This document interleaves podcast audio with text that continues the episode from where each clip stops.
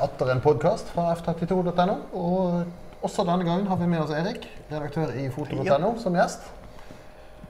Ja. Jeg tenkte vi skulle snakke litt om hvorfor foto. Hva er det som er vår interesse i foto, egentlig? Hva, hva er det som er attraksjonen? Hvorfor har vi valgt den hobbyen?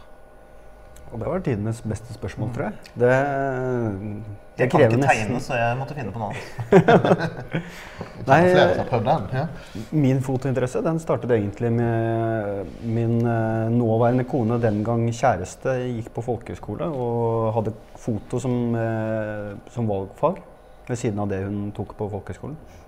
Og så kjøpte hun seg Eller jeg tror hun fikk gave et eh, Jeg er jo litt yngre enn dere, så dette var et uh, Canon EOS 400D.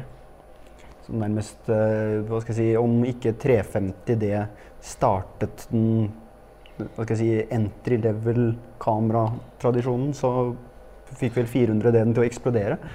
300D var vel altså 300, Ja, 100 300 d var vel det den første vanlige digitale spillerfleksen til under 10 000 kroner. Ikke sant? Uh, så min fotointeresse kom den veien, egentlig. Og så på et eller annet punkt så snudde det. og Hun var jo fortsatt interessert i foto, men det ble, tok veldig mye plass i mitt liv etter hvert.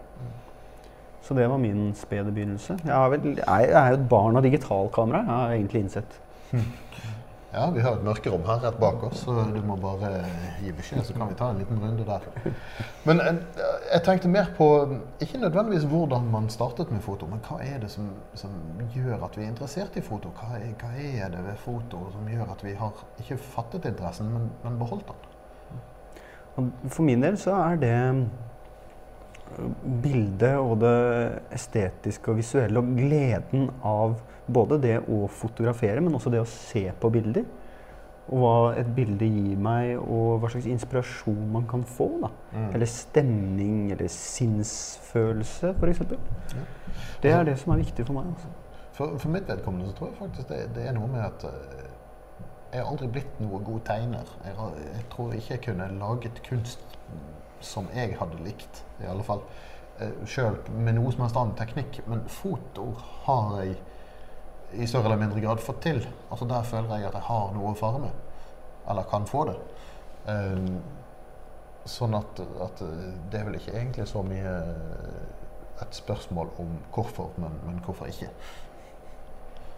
For min del er det vel kanskje at det er vel kanskje mer andres bilder enn mine bilder som har skapt fotointeressen av meg. Altså jeg merka fra jeg var veldig liten at bilder eh, gjorde et mye sterkere inntrykk enn de fleste andre kunstformer. Mm. Altså jeg kunne se, Ta bilder med napalmjenta, som har vært mye i media i det siste. Det husker jeg fra jeg var bitte liten, ikke da det var tatt, for så gammel er jeg ikke, men fra skolebøker og sånn som barn så gjorde det et veldig veldig sterkt inntrykk. Som ingen andre, verken egentlig bøker eller bilder eller musikk eller andre kunstformer kunne, kunne gi meg. Mm. Og det var nok litt jakten på den intense reaksjonen der da, Mm. som, som gjorde det for meg. Vi fikk jo møte både, både hun eh, i voksen alder og fotografen som tok bildet eh, på Fotokina i Tyskland for noen år siden. De, de var jo omsvermet og, og travelt opptatt, men det var likevel en liten høydere å, å få møte de. Ja, jeg hadde en liten prat med, med henne Ja. på tomannshånd, og det var, det var en skjellsettende opplevelse. Det, altså. Ja. ehm, jeg kom jo på en, en annen historie når, når vi jobbet sammen på eh, på, Da vi jobbet sammen i, Akam, så var det jo en eh, produsent Jeg skal ikke nevne hvilken eh, fotoprodusent, men vi fikk iallfall tilbud om å dra til, eh, til England. Nærmere bestemt Manchester, og, og møte en trener av et fotballag. Denne treneren det var da så Alex Ferguson, og fotballaget var eh, Manchester United. Jeg oppfattet det sånn at eh, denne fotoprodusenten hadde sponset eh, laget på et eller annet vis. De var liksom en internasjonal sponsor, og i den avtalen så var det noen noe sånne avtaler med møtepressen med de og litt sånt noe. Og så hadde de ikke brukt den ene, så de tenkte ok, her vi bare samler folk og drar over. Eh, Men jeg husker vi takket nei. Vi var ikke interessert. Så Nei, fotball, det, det gidder vi ikke. Jeg har nesten fått drapstrusler når jeg har fortalt den historien til blod, ihuga blodfans av Manchester United. Og, Hæ? Ja, men, ja, men Jeg har det kjempegøy med den historien. Men, men å, å ta tid ut av resten av mitt liv for å fly over til England, gjerne for å møte et fotballag øh, Nei, det gidder jeg ikke. altså. Så det var det hyggelig, hyggelig tilbud å få. Det ble en artig historie, men, men nei. Og så var det helt sikkert noen som ble glad fordi vi sa nei. For Nei, Det ble jo ikke tilbudet noe av turen, fordi nesten alle sa nei. Ja. Altså, Feil miljø. Ja, nei, altså, jeg, jeg vet om noen i fotojournalistbransjen som, som er i huet av fotballfans, men, men uh, iallfall én av de uh, er hakket før han har Liverpool-tatovering. Ja. Så at å fly over og møte Manchester United, det var ikke interessant for han heller. Så ja, ja. Sånn går nå i dag. Men vi, start, vi avsluttet jo en tidligere episode med å snakke om det nye Fuji, Fuji-kameraene. Mm. Og Erik hadde lyst til å prate om et par av de andre modellene som vi ikke kom oss gjennom. Har du lyst til å si noe mer? eh? Det var ikke så veldig viktig, egentlig. Det var jo mest eh, at vi ikke fikk tid til det da. Men eh, nei, det kom en XT20. XT20 er til XT2 det XT10 var til XT1. Det var kort og greit fortalt, var det ikke det? Jo da. Men altså, jeg syns jo XT2 er absolutt et interessant kamera. Så XT20 eh, for meg personlig eh, har ikke tenkt å vurdere engang. Nei, altså XT20 er mye billigere. Har ikke den samme kvalitetsfølelsen, ikke samme bærtettinga, men ellers så har den veldig veldig mye av det XT2 har. Så hvis du først og fremst er ute etter bildekvalitet per krone, så er det faktisk relativt vanskelig å slå. altså. Fikk vi pris på det òg? Ja, det tror jeg, men jeg har ikke Det fått sett det. har folk innen denne blir vist. Ja. Så det går greit. Eh, men angående Fuji, altså, som jeg nevnte i forrige episode, Fuji gjør fryktelig mye rett. Men det er én ting de gjorde feil. Jeg vet ikke om du husker når vi var her i studio sist og skulle ta noen bilder med en Fuji. Søkte å koble senderen til studioblitsene opp til den Fujien og få den til å trigge disse blitsene. Ikke pokker om det gikk. For det er diverse funksjoner som du ikke kan ha aktivert og samtidig bruke blits. Og i alle fall i det Fuji-kameraet vi prøvde med da, så får du ikke beskjed hvilke funksjoner det er som hindrer deg i å bruke blitsen. Så du må prøve deg frem og skru av ene funksjonen etter den andre til du slutt får bruke blitsen, og vi endte opp med å gi opp og bruke et annet kamera. Og på det tidspunktet så hadde jo heller ikke Fuji ordentlig ordentlig blitssystem, så det var jo helt tydelig at det var ikke meningen at man skulle bruke blitz med dette her. Men uh, det, det tror jeg kommer seg. Jeg har ikke testa det på, på XD2 eller de nye der, men eh, det er, du får det til til slutt hvis du har en Fuji Blitz. Mm. Og det skal være Det heter at den er pin-kompatibel med Canon, dvs. Si at du kan bruke Canon TTL-kabler og sånt. Jeg fikk ikke det til sist gang jeg prøvde. men, -hmm. men det finnes noen muligheter der. Nå begynner det å komme tredjepartsutstyr også som, som gir et bedre blitz-system. Men det er fortsatt en av mm, manglene ved Fuji-systemet. det er det. Så, det, så lenge det er bare videreføring av signal, altså så lenge det er dumme enheter, så kan du i teorien bruke Canon-kabler osv. Mm. Men uh, ikke nødvendigvis en Canon Blitz med full Nei, funksjonalitet. signalene er andre, Ja. men uh, kontakten er de samme. Skal være. Ja, men det, it makes sense å gjøre det sånn, altså, for det, det blir vel en del billigere tilgang på deler og sånne ting. det. Så atter en gang har de gjort mye smart. Men tilbake igjen til mellomformatkamera som de slapp, og, og som vi er veldig begeistra for. Hva vil dere si er den største konkurrenten der? Er, lukter vi på Hasselblads eh, X1D? Nei. Ja. Tja. Altså, Hasselblad koster jo halvparten så mye igjen. Halvparten så mye? Ja, for deres tilsvarende. Den var vel rundt 100 000, var ikke det sånn? Ja, det blir dobbelt så mye. det. Ja, ikke fullt. Nei. Vi var jo enige om at uh, Ja, men halvparten til, ja. En halvparten Ja. til. Ja, sånn, ja. 150 prosent da. Ja, Ja, sånn, ok. ja. Ja, Så, så um, nja. Eh, jeg, jeg vet ikke. Jeg tror faktisk det er Pentax som er nærmeste konkurrent på det. Prismessig i alle fall. Men det er jo en helt annen størrelse på det. Ja, det er Ja. det. Hvordan er bildebrikkestørrelsen på Fujis Det er samme som på Pentax, men Ja, okay. om det er samme som på Hasselblad, er jeg litt usikker på. Ja, Jeg tror ikke det, forskjellen er veldig stor. i alle fall. for på Pentax er den jo 40 mm ganger 30 mm, er det ikke? 4-3? Jo, tror det. Den er 32 Ganger ganger 43, 43. eller Ja, Ja, noe ok. sånt. Litt større, på ja. Fujin. Ja. Ja. Uh, ja. Jeg skulle helt ærlig, jeg ønsker meg et digitalt mellomformatkamera som har eh, kvadratisk brikke. Ja. Jeg er veldig glad i gamle Hasselblad film 6x6. Ja, men i dag har du så mange piksler, du kan jo bare beskjære. Har du elektronisk søker, så får du jo kvadratisk i søkeren. Det er jo Ja, men det er likevel snakk om beskjæring. Du får ikke optimal bildekvalitet av å holde på sånn. Nei, men om sånn- du beskjærer på sensoren, eller om du beskjærer i Nei, hvorfor, filmen? hvorfor ikke lage kvadratisk uh, brikke? Altså, da, da får du òg utnyttet bildesirkelen bedre. Ja, men du vil jo det øyeblikket du ikke vil ha kvadratisk bilde, men vil ha et 3-2 eller 4-3-bilde, så må du jo skjære bort mer enn det du hadde gjort hvis du hadde laget en 3-2. Jo, jo, man vil jo ikke det. men Man vil Jo, jo man vil det. Nei, nei, nei. nei. Nei, men det her er jo for Leica. Da er jo som vi snakket om i forrige episode, Leica. Leica kan gjøre det sånn at de har en monokrom. Så kunne de hatt en kvadratisk sensor. Men ingen andre kan egentlig tillate seg å gjøre det omtrent, fordi det er så spesielt. Det er så sært. Men du kunne hatt en kvadratisk M monokrom. Det hadde vært kamera for deg. For du tar ikke fargebilder allikevel. Nei, jo det gjør jeg. Det gjør jeg. Men nei, altså eh, Med noe, noe sånn håndholdte kjappis-kamera, så, så vil jeg gjerne ha et rektangel. Men, eh, men et mellomformatkamera, så, så har jeg lyst på kvadratisk. Jeg, altså. Jo ikke, og slippe å måtte beskjære for å få Da burde du hatt en sirkulær brikke, da. Så er det i hvert fall ikke noe skjæring. Det hadde vært kult, men jeg tror ikke det er teknisk praktisk. Så skal man bare bruke Hipstamatic-appen på telefonen sin, så det skyter i Skal, firkanter. skal jeg gå, eller? Kvadratisk. Skal du gå, eller skal du slå? Ja. Nei, um jeg regnet faktisk på dette her en gang. I våre verste nerdestunder i Akam i sin tid. Så, så fant jeg ut det at eh, du, ved å lage en, en kvadratisk brikke over en 3-2-brikke, så eh, får du essensielt ca. 5% høyere oppløsning. Altså tilsvarende 5% flere piksler. Men du må mye mer enn 5 ned igjen for å få et 3-2-bilde ut av den. Det må du. Det må du. Men piksel i dag er jo ikke problemet. Nei. Har du mellomformatkamera med 50 megapiksel, hvor ofte trenger du faktisk de 50 megapikslene? Om du beskjærer det 3-2-bildet til 1-1, så har du fortsatt så utrolig mange piksel igjen at du kan blåse det opp det du ønsker. Så Jo da, men du har jo likevel da betalt for en del brikker som du ikke bruker, og det det, det så irriterer meg. Eh, ja, altså rund. Ja. Nei, men jeg, jeg har jo kjøpt meg en Hasselblad filmbasert sak med, med 6x6 som jeg er veldig glad i. Det er fint for deg. Ja. Ja, når vi snakker om eh, oppløsning, det, Sony har jo gått ut og sagt at uh, RX1 Mark 2 skal være et kamera Det er jo fast, uh, det er fast 35 tror jeg, millimeter uh, optikk på det. Det skal være et kamera du kan bruke til alt. Fordi at oppløsningen og kvaliteten skal være så god at du kan kroppe deg inn til det du trenger. Det er ganske spesielt altså, å ta utgangspunkt i det.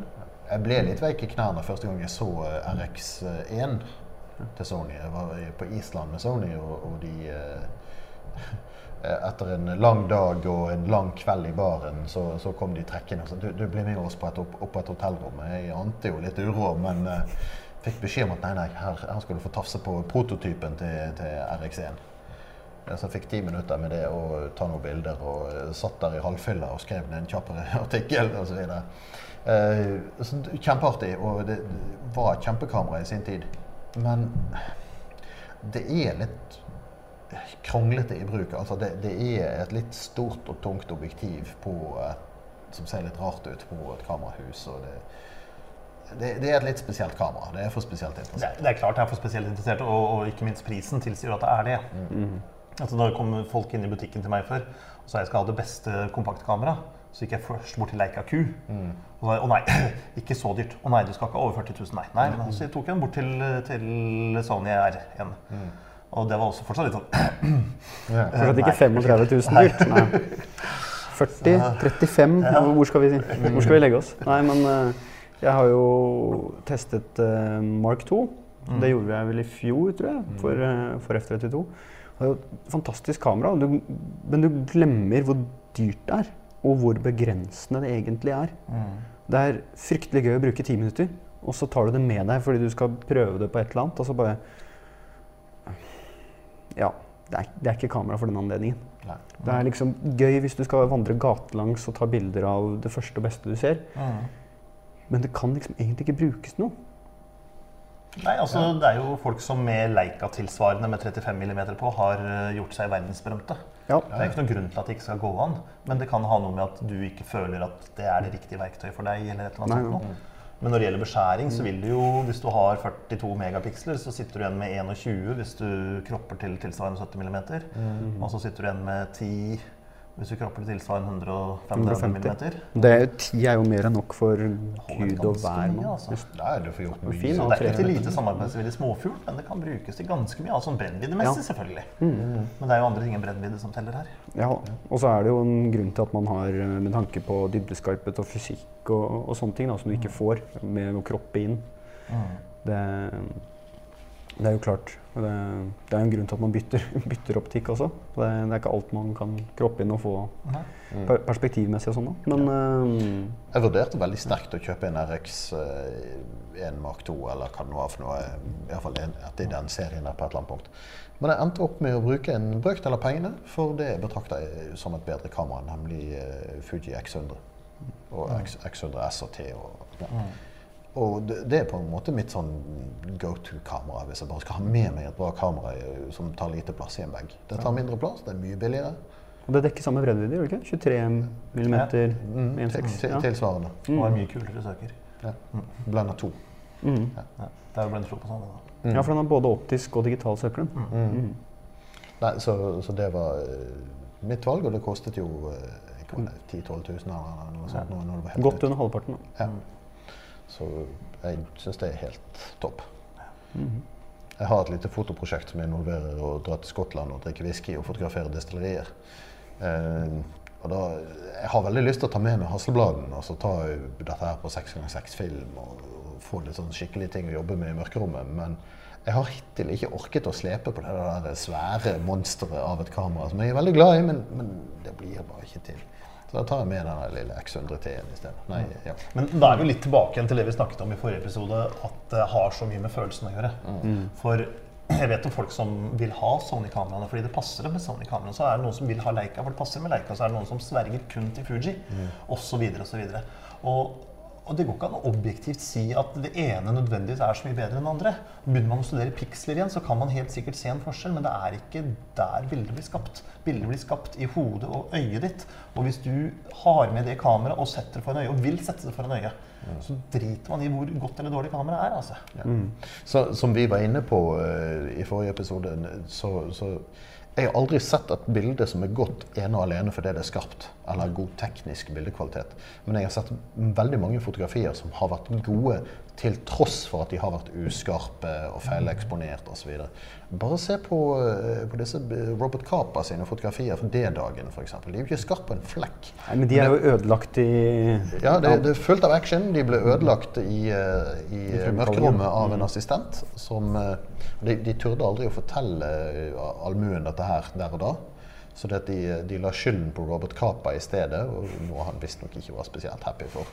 Eh, Men at han hadde vært så, så opphisset og eksaltert at han, han hadde skjelvet på hånden og, og klarte ikke å ta skarpe bilder. Men faktum er at det, det var en assistent som skylte den filmen i altfor varmt vann på mørkerommet.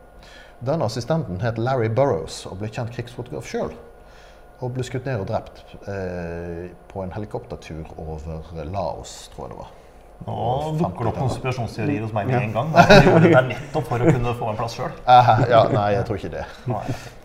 Jeg lurer på om ikke han var kjent krigsfotograf før eh, Robert Capa eh, tråkket på en landmine. Altså. Nei, Ja, ja. det skal ikke være lett. Nei. Men hvis du ser negativene til Cartier-Bresson, så er jo de så tynne at det er jo altså, Man må geniforklare assistenten i studio der. Cartier-Bresson han gikk etter dybdeskarphet og øh, bevegelsesskarphet eller skarphet. Han skulle fryse bevegelser eller ha bevegelser. Han skulle ha den dybdeskarpheten han ville. Og så dreit han i eksponeringa. Det overlot han til assistenten i, i studio. Ja, ja, nei, han, eh, De kameraene han brukte, hadde jo ikke løsmåler engang. Nei, det hadde jo heller ikke, men, men, men han kunne ikke forholde seg til det. For han skulle ha et uttrykk, og så bare regnet han med at noen kunne ordne det. Og han hadde faktisk en kar i studio som kunne ordne det. Og hvis du syns uh, Cartier Bresson var genial, så skulle du hilse på assistenten hans. For han kunne sine saker. Ja, ja, jeg har sett et eh, videoopptak av eh, han som printa bildene til eh, Ja, nå står det jo helt stille, men, men han James Nuttray. Eh, og det var ikke få ganger han fikk beskjed Nei, nei, jeg vil ha det sånn, ikke sånn. Så går han i mørkerommet og gjør det, og så kommer han tilbake og så nei, sånn og ikke sånn. Og så enda mer og enda mer. Og det, normale dødelige hadde jo gitt opp for lenge siden. sant? Nei, men kunst det òg, som, som så mye annet. Ja, det Men, interessante eh, er jo det at faktisk han, han nekter å være med på å kalle seg kunstner. Han er sosial reformator først og fremst, og bruker eh, fotografi for å, å forsøke å få det til.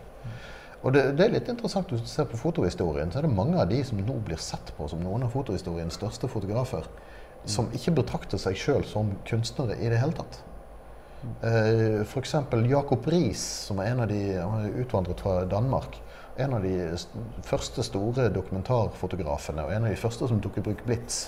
Han satte fyr på seg sjøl tre ganger eller noe sånt, fordi at han brukte sånn blits med sånn magnesiumpulver som eksploderte. Sant? Han var fotograf for, eh, for politiet i eh, New York og fotograferte eh, uteliggere og folk som, som sov, betalte en billig penge og sov liksom 40 stykker i en kjeller. Bare sneik han seg ned der på, midt på natten og stiller inn kamera og setter opp blitsen, og så plutselig kabloffa. Hva tror du de 40 stykkene som lå der og sov, i jorden, når de ser den blitt Og det begynner å brenne i noen tilfeller. Ja. Men han, han tok jo òg veldig ofte stereografier, altså dobbelt negative av hvert bilde. Og så brøt han de i to og sendte de i to eh, lysbildeturneer rundt om i landet. Så han brukte de, tok stereobilder, men to, brukte de som, som separate bilder. Så du ser det litt sånn Så penger så vidt forskjell fra, fra negativ til negativ, selv det er samme motivet det er tatt samtidig. Kan du da si det tredje så har en uh, Hvis du klarer å få tak i begge to, så kan du det. Mm. Det blir ikke for stor, eller også at avstanden ikke er god nok. Nei, for det var jo det han hadde brukt originalt. Mm. Men han kappet negativet i to, sånn at han fikk to eksemplarer av hvert negativ. Sånn omtrent. Stilig gjort. Han kalte seg heller ikke kunstner. Men det er ikke så farlig om man kaller seg altså, Nei, nei. Å, å definere seg sjøl som kunstner kan jo av og til bli nesten arrogant. Hva er Ja. det du gjør? Driver du med dokumentar, eller driver du med kunst? eller hva er det? Jeg synes det er opp til noen andre eventuelt å definere som kunstner. Ja. Og kunst er jo noe ingen kan, for hvis man kan det, så er det jo ingen kunst. Nei, så uh, ja, right. Så, Kunsten takk ikke meg en grus i posten. Ja. Nei, men, eh, men altså, poenget mitt er, er at det er ganske mange, spesielt i, i den mer sånn dokumentariske fototradisjonen, som, eh, som tar det for å publisere som en historie, og for, fordi at de ønsker å sette fokus på et eller annet problem eller et eller annet samfunnsspørsmål. eller noe sånt. noe. Og så har folk begynt å henge dem på veggen. Og så har de begynt å protestere, eller dette hadde de ikke tenkt på. eller noe sånt. Men, men faktum er at det er en god del av de som, som tjener gode penger på det. Og ikke kanskje kunne jobbet som fotojournalister hvis, hvis de ikke hadde hatt den inntektskilden. Mhm. Og det, det er jo nettopp Det underbygger jo egentlig ditt poeng at eh, det er jo ikke utøveren sjøl som skal definere seg som kunstner eller ikke. Det blir jo egentlig mottaker eller de som er villige til å betale for det. Så ja. Ok, Skal vi spille en Drepte jeg stemningen helt her nå, eller? Ja, ja, ja. Skal vi spille en plate? Skal vi ta den gule sangen? Ja, nei, men jeg, jeg tror vi begynner å nærme oss eh, slutten på dagens episode, vi. Mm. Så, men jeg tenkte jeg skulle oppfordre seerne til eh, Kom igjen med innspill på eh, temaer du vil vi skal sitte og pludre om. Eh, Det er ikke sikkert vi kan noe om det, men vi kan helt sikkert mene noe. Helt klart. Yep. Definitivt. Ha det bra. Takk for nå. Ha det bra.